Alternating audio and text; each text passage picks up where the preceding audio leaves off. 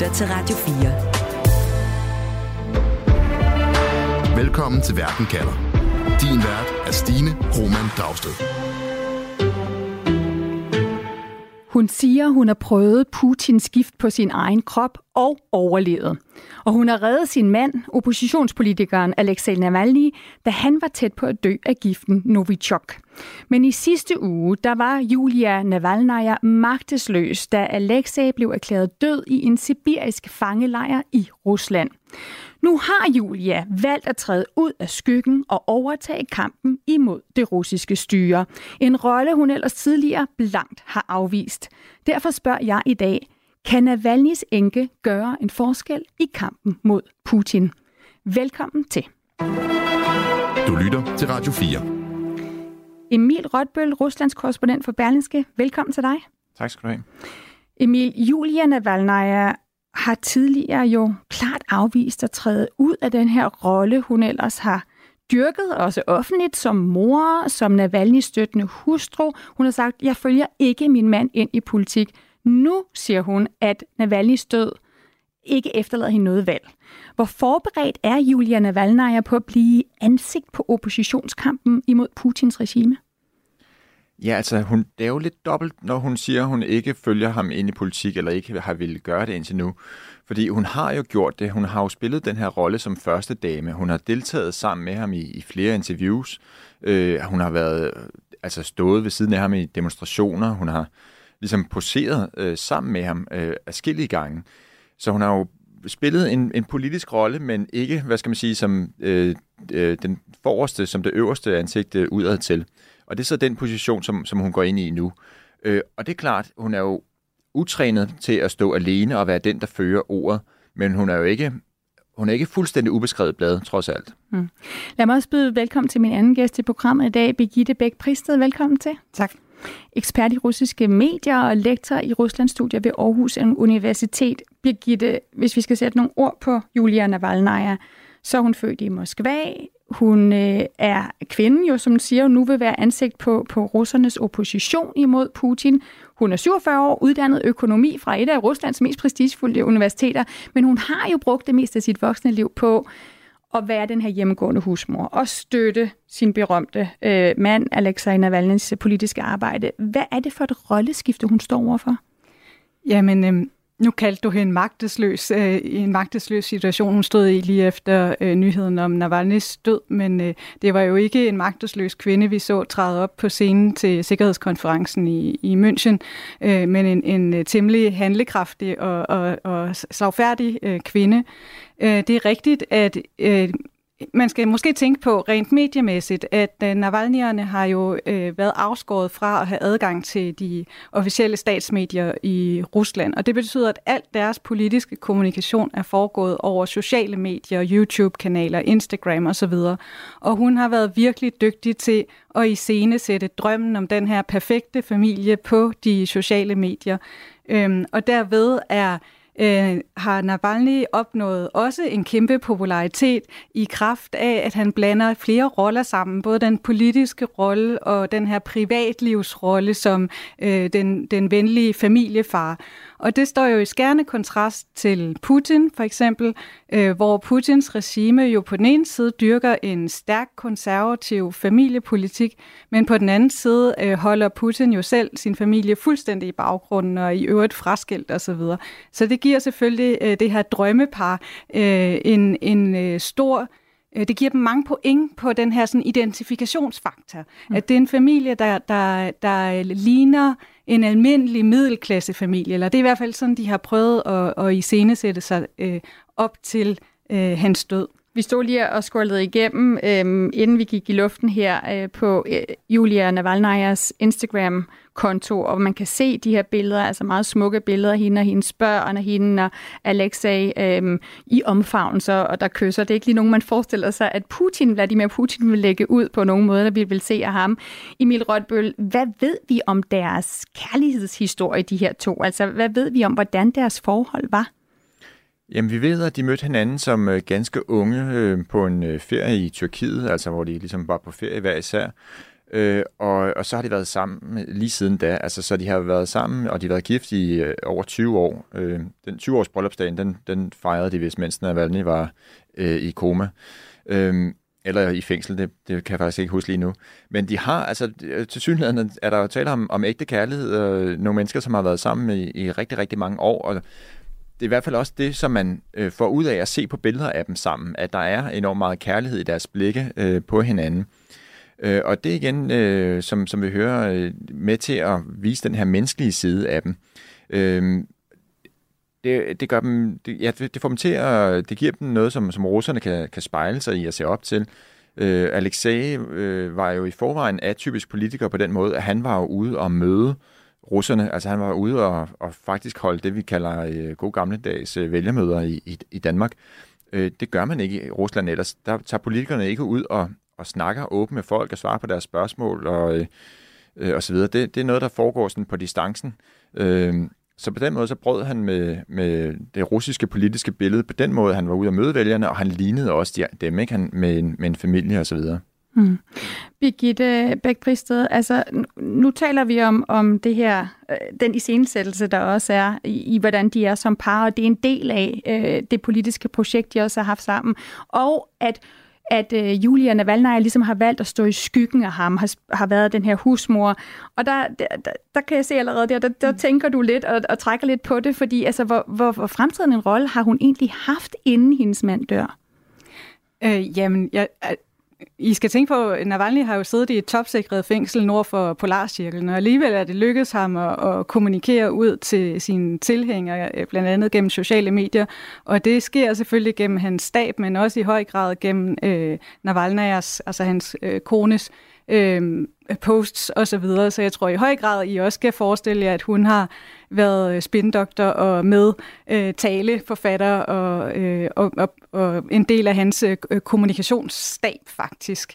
Øhm, nu, nu talte jeg om, om kærligheden lige før, og hele, det er jo også interessant, hvordan den der øh, kærlighedssymbolik øh, pludselig får politisk øh, signifikans. Altså alle kan huske billederne af Navalny, der står inde i sit glasbur under de her også meget iscenesatte retssager, hvor han står og laver hjerte, kaster hjertehåndtegn ud til sin kone. Øh, og det her hjertehåndtegn, hvis vi lige laver en lille øh, sidespring til, til de belarusiske protester, der fandt sted i Minsk i 2020, der var det her med at lave hjertehåndtegn jo også en del af, af oppositionsbevægelsens øh, øh, symbolikker. Og det var jo også en oppositionsbevægelse, der var drevet af, af tre øh, fremtrædende kvinder med Svetlana Tikhanovskaya i, i spidsen. Og vi skal tænke på, at den diskurs, den der kærlighedsdiskurs, den skal man se i kontrast til, at både Rusland og for så vidt også Ukraine er jo dybt militariseret samfund lige nu. Og i det politiske landskab, det er jo tegnet af mænd som stærke lederskikkelser. Ikke? Vi har en uh, Zelensky, der optræder i kaki-bukser. Hans uh, stærkeste udfordrer er Klitschko i Kiev, borgmesteren, der er tidligere bokser. Godt nok er Putin ved at være en ældre herre, men han har jo også tidligere i scenen sat sig med bare overkrop og judomester. Og øh, Navalny, Alexej Navalny selv har jo også optrådt som den her hårfører, polarulv, som ingen, øh, selv ikke Novichok, skulle, skulle knægte. Så når Julia Navalny træder ind på den scene og stiller sig frem på Sikkerhedskonferencen i München, så laver hun et vildt retorisk knep, fordi hun siger, det her, det er helt forkert. Jeg skulle ikke have stået her. Det skulle Alexei. Jeg burde være flået direkte hjem og trøste mine børn. Men jeg er tvunget til at stå her. Og det er jo sådan et Greta Thunberg-argument. Ikke? Det er jo lille Greta. Hvad mener du med det? Ja, det er lille Greta, der træder op på FN-klimakonferencen og siger, This is all wrong. I shouldn't have been here. I mm. should have been back in school. Det er jo barnet, der tager agens, politisk agens, i det øjeblik, hun fraskriver sig agens og siger, barnet har ikke nogen politisk rolle.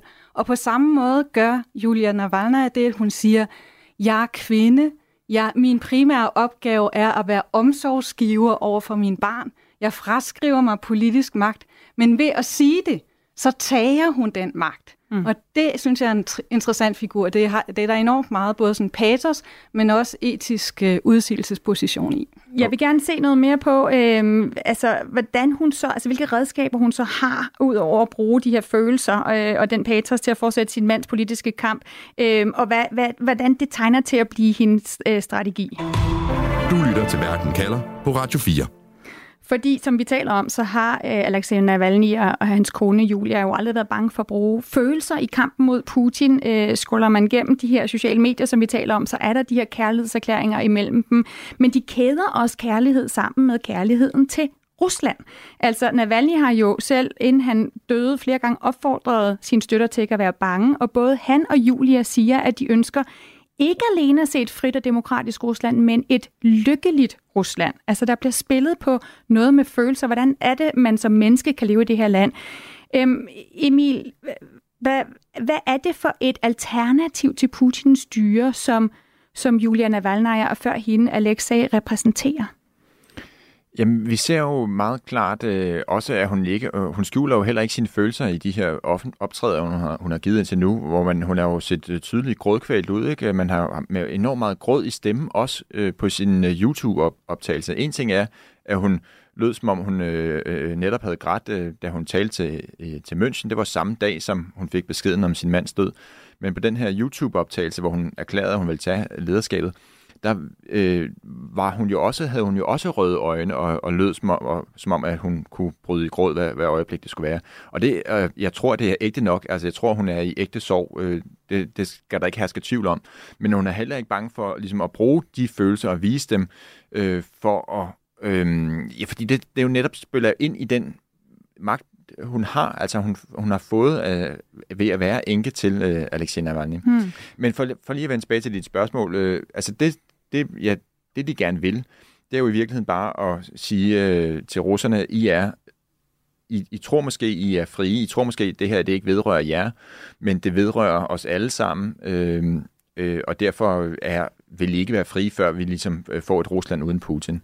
Øh, så, så det er sådan, de prøver ligesom at gøre russerne opmærksom på, at de faktisk lever i et, i et slavelignende øh, samfund, selvom de måske føler, at de bare kan blande sig udenom.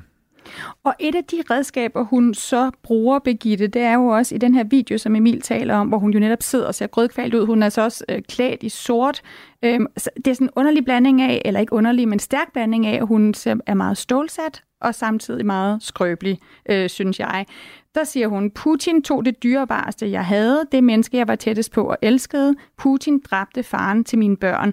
Og så fortæller hun også, at hun vil offentliggøre navnene og ansigterne på dem, der står bag mordet. Og de sidste dage har det jo så drøbet med nye oplysninger fra hendes team, som jagten på at finde Navalny's krop og, og få den udleveret. Birgitte, hvor stor en gennemslagskraft giver det Julia Navalnaya, at hun holder det her fokus på Navalny's død og på hendes egen sorg som enke? Altså i hvert fald den øh, video, hun har optaget på russisk til, til et russisk publikum, som er blevet sendt over YouTube-kanalen der, den har jo fået millioner af visninger bare inden for de allerførste dage, hvor, det, hvor den blev lagt op, så den når da klart ud til et publikum.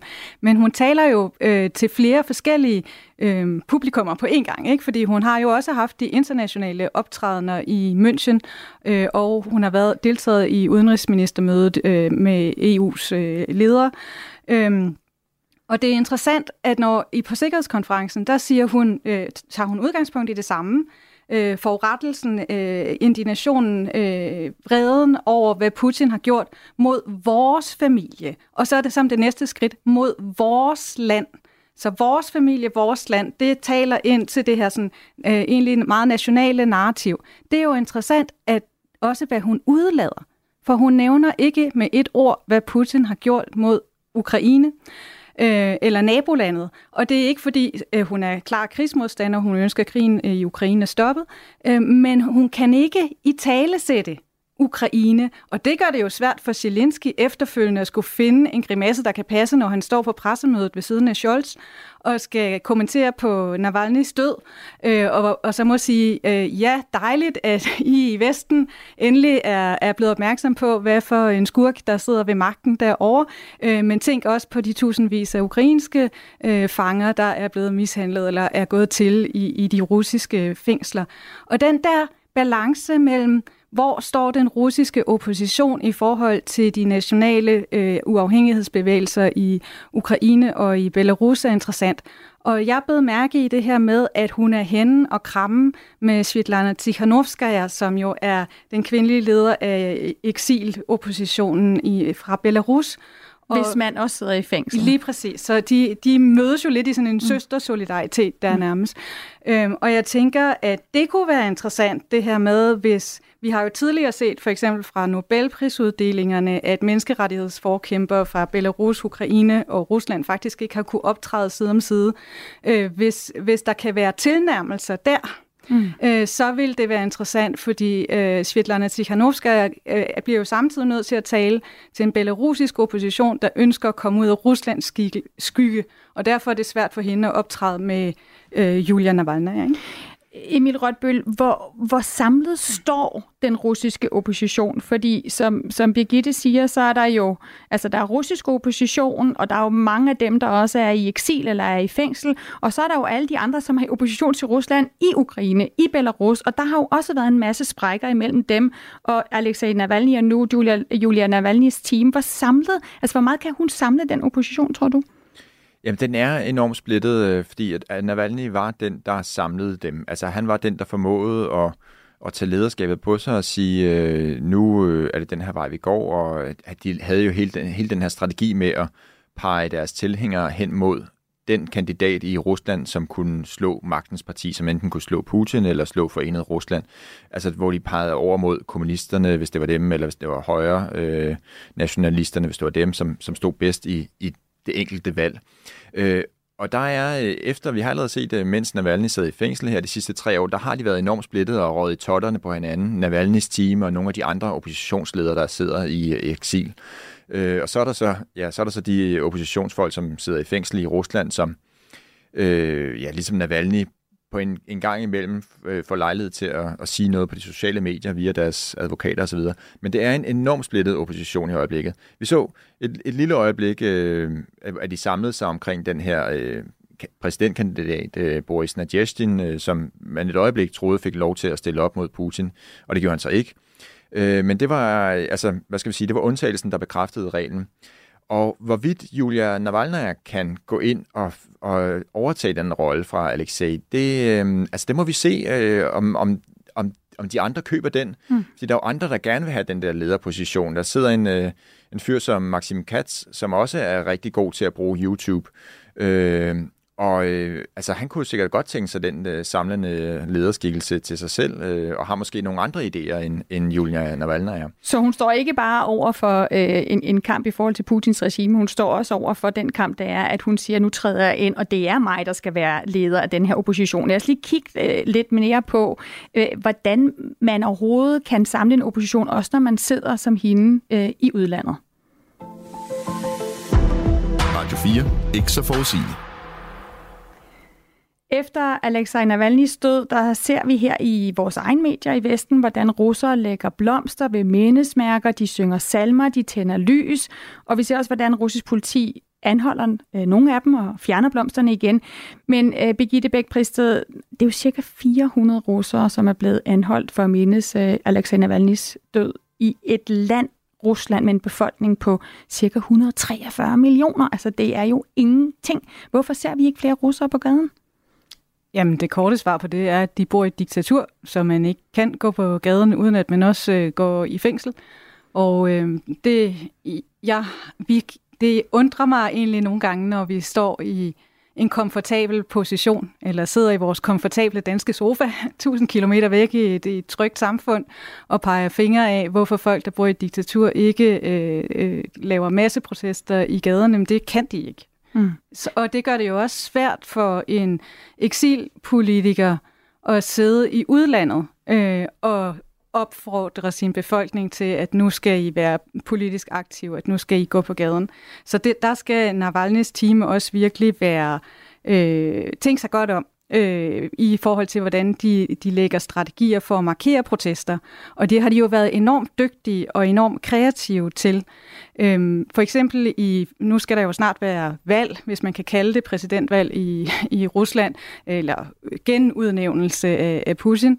Øh, men det markeres jo med en form for, for valghandling, og der har de så blandt andet opfordret folk, der er imod øh, Putin, til at markere den modstand ved at gå hen og aflægge deres stemme ved stemmestedet præcis klokken 12. Mm. Fordi på den måde, så håber de, at man så kunne skabe valgkøer hen øh, på et tidspunkt, som ellers er helt uden for rush hour, ikke? og at man på den måde kunne skabe noget, der ligner en forsamling, en demonstration, selvom øh, at der vil være forbud mod politiske demonstrationer, men at folk kunne deltage i det på en legal vis, på en måde, som, som selv blev ønsket af myndighederne. Og det har, at, at det blev meldt ud fra staben, øh, det har helt klart været en provokation Emil ja, Rønbøl, ja. må, må, må jeg spørge dig, hvad, altså, ved vi noget om, øh, om, om Julia Navalny og hendes team overvejer, at hun ligesom øh, hendes mand skal tage tilbage til Rusland for at fortsætte kampen der? Fordi det er så udfordrende at være i den der rolle som eksil, opposition eller aktivist. Nej, vi har ikke hørt noget endnu om, om det er planen. Øhm, altså, jeg tvivler personligt på, at hun vil gøre det, også fordi hun trods alt stadig har øh, to børn øh, at tænke på, hvor den ene er, kun er 15 år. Øh, så det, altså, det tvivler jeg på, at hun vil gøre, og det, og det gør det svært at sidde der i, i udlandet. Men, men vi ved også, at hvis hun tog tilbage til Rusland, vil hun ryge i fængsel med det samme. Og så vil hun jo... Altså, det, det tror jeg ikke, det tror jeg folk vil have svært ved at forstå. Så lige nu, der handler det om at finde de der måder øh, lovligt at vise sin modstand. Og der var den her øh, metode til, til valget som en, øh, og, den, og en anden, det var det der med, at man kunne skrive under for ham her, Boris Nadezhdin, øh, som jo også var ufattelig mange russer, der gjorde på, på rekordtid. Øhm, og, et, øh, og et beslægtet spørgsmål med det her, synes jeg, altså man har jo i, i dagene øh, her i den, den seneste uge siden øh, Alexander Navalny blev dræbt, så har, man, så har, har et af spørgsmålene været jo, jamen blev han dræbt, fordi øh, Putin, øh, altså var det et udtryk for Putins styrke, eller et udtryk for Putins svaghed, at han dræber den her mand, som han allerede har total kontrol over i fængsel.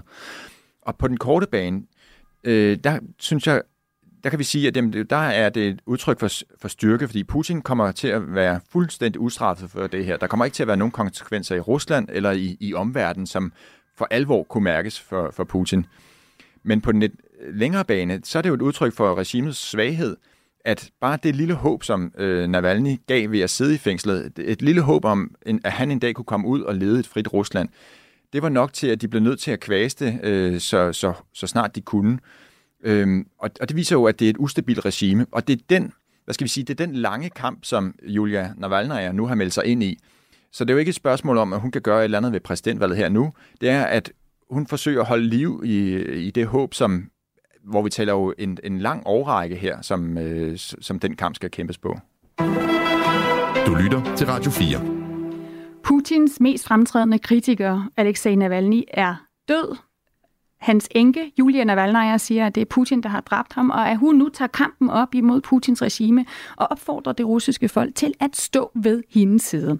Og derfor spørger jeg i dag, Julia Navalny vil stå op imod Putin. Kan hun gøre en forskel? Birgitte bæk -Pristed? hvad er dit svar på det spørgsmål? Det er klart, at hun vipper ikke Putin af pinden til, til næste valg. Øhm, men det betyder ikke, at hun ikke har en stemme. Øhm, hun kan have en stemme, for eksempel over for et internationalt, et vestligt publikum. Alene det, at hun har mødtes med EU's udenrigsminister, og har kunne sige, øh, Rusland er ikke Putin, Putin er ikke Rusland, og fået lov til at, at stå med det statement, øh, som jo ellers ikke er særlig udbredt øh, blandt udenrigsministerne i øjeblikket, øh, at det har været, at det er allerede noget. Det er allerede en, øh, en vis platform. Så kan man spørge fra, fra Putins perspektiv, er, er feminiseringen af protestbevægelsen, altså det, at en kvinde træder i stedet for en mand som leder øh, er det en svækkelse? Øh, og det, det tænker jeg sådan, at, øh, at det kunne det kunne godt være fra et Putin-perspektiv, øh, men på den anden side, så må man sige, at enkerne, de er stort set de eneste tilbage i det russiske samfund, som har klageretten i behold. Mm. Emil Rødbøl, Julia Navalny vil stå op imod Putin. Kan hun gøre en forskel? Altså, det er svært. Vi har endnu ikke set en russisk oppositionsleder gøre en forskel fra udlandet. Øh, samtidig så er der den her udfordring med, at hun er øh, i Vesten, og hun øh, kan meget nemt blive øh, forbundet med Vesten, og det er ikke mm. noget, som du vinder point på i, i Rusland, heller ikke hos de liberalsindede nødvendigvis. Så det er en enorm udfordring, og, og vi må simpelthen øh, se, øh, hvordan det går. Tusind tak, Emil Rotbøl, altså Ruslands korrespondent for Berlingske, og også Birgitte Bæk Pristed, ekspert i russiske medier og lektor i Ruslands studier ved Aarhus Universitet. Dagens program var sammensat af Louise Thomsen, Thomsen Andreas Kloster med hjælp fra redaktør Camilla Høj Eggers.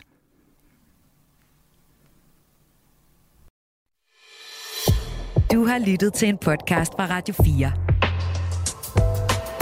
Find flere episoder i vores app, eller der, hvor du lytter til podcast.